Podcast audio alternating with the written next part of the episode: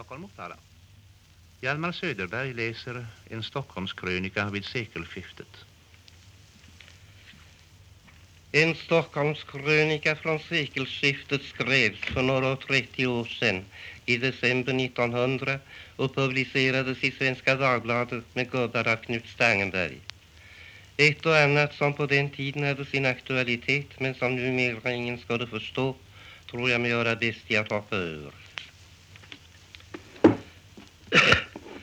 Jag vet ju, käre vän, att du är lika mycket världsborgare som stockholmare och jag betvivlar inte att du ännu i förrgår morse intog din frukost, en omelett, en köttbit och lite ost och vin på trottoarkanten vid, vid Boulevard de Capucine utanför Café de la Paix.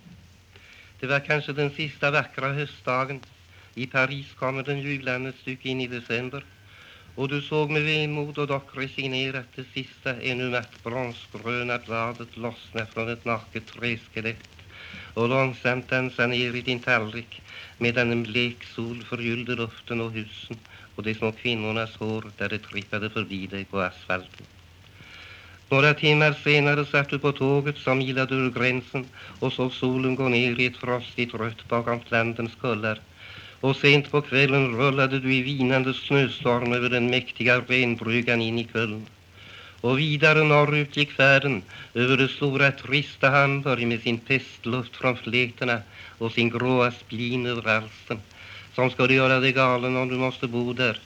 Du gungade över välten och ditt nordanvädret piskade i synen och med stadsbud i hälarna gick du lugnt på dina egna fötter nedför Sraet i Nils Lynes stad och steg ombord på Malmöbåten. Och nu är du hemma.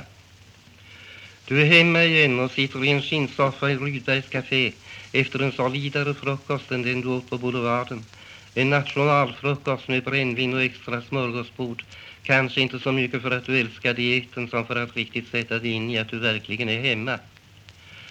Du betraktar din fädernesstad genom rökskyarna från cigarren. Det är ett riktigt välsignat julväder med våta, långsamt dalande snögubbar som sätter sig fast i vita klattar på de stora fönsterglasen och torget på vars trottoar stockholmarna nu på nytt uppföra sitt gamla kära skuggspel för dina röda ögon. Och du känner strax igen dina pappenheimare trots imman på glaset om du också inte har sett dem på tre eller fyra år. Du känner igen dem alla, generaler och överhovjägmästare, professorer och professorskor, herrarna som verkar i det allmänna och fruarna som skvallrar i det enskilda, nationalskalder, nationalaktriser och själva nationalkolingen.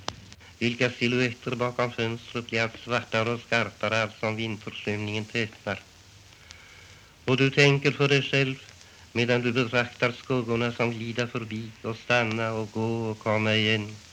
Människan trivs dock på längden bäst i den stad där hon har sina rötter och gör skvaller och små historier hon är en smula invigt och där hon själv spelar med i komedin.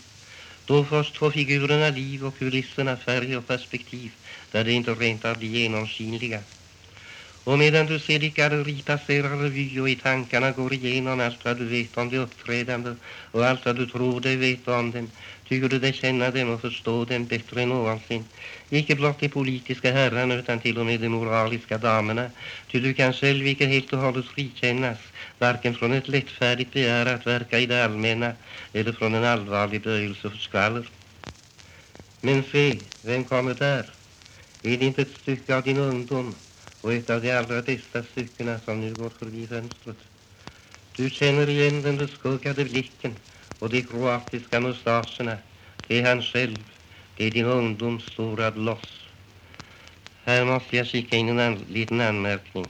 Det var Strindberg jag menade, men Knut, men, men Knut Stangenberg som ritade gubbarna råkade sätta dit Daniel Fallström. Herregud, så tiderna förändras. Han hade för gott huvud i sin ungdom, den mannen, men det hämnade sig. Det är inte på den vägen man blir nationalskald här i landet. Så följde honom in att göra som Hamlet och spela tokig för att komma i nivå med omgivningen och bli förstådd. Och förstådd blev han, nationalskald nära på också. Men han är redan borta i snön och från andra hållet kommer där en annan av våra stora män med pälskragen uppslagen och snö i mustascherna som får och vita förut. Det var Nordenskjöld jag tänkte på nu. Du blir formligen rörd när du ser en siluett glida förbi och försvinna.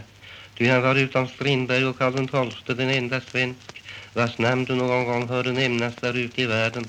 Och han väcker också till liv hos dig ett av din ungdoms eller kanske din barndoms mest underbart skimrande minnen.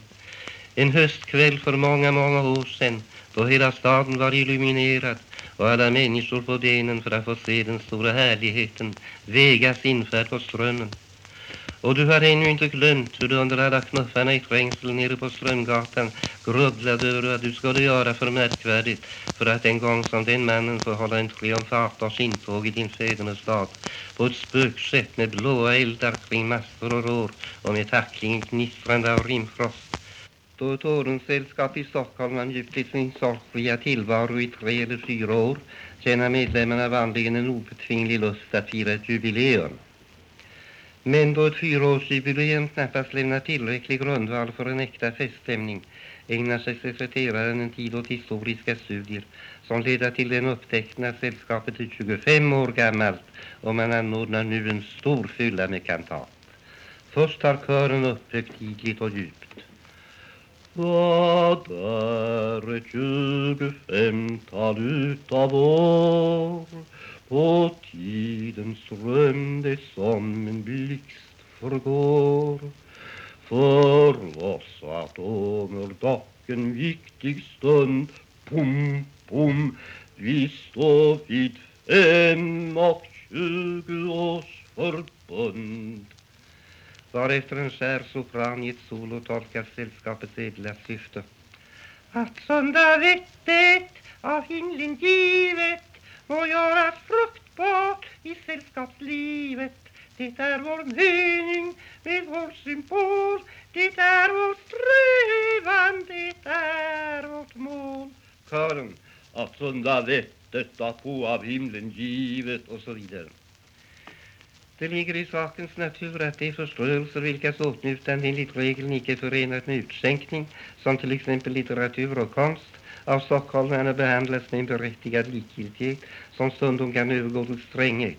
Ja, i tider av stark moralisk väckelse kan den flamma upp till, verk, till en verklig eldsvåda av sedlig indignation. Exemplen därpå torde vara i alltför friskt minne för att jag nu skulle behöva erinra om dem.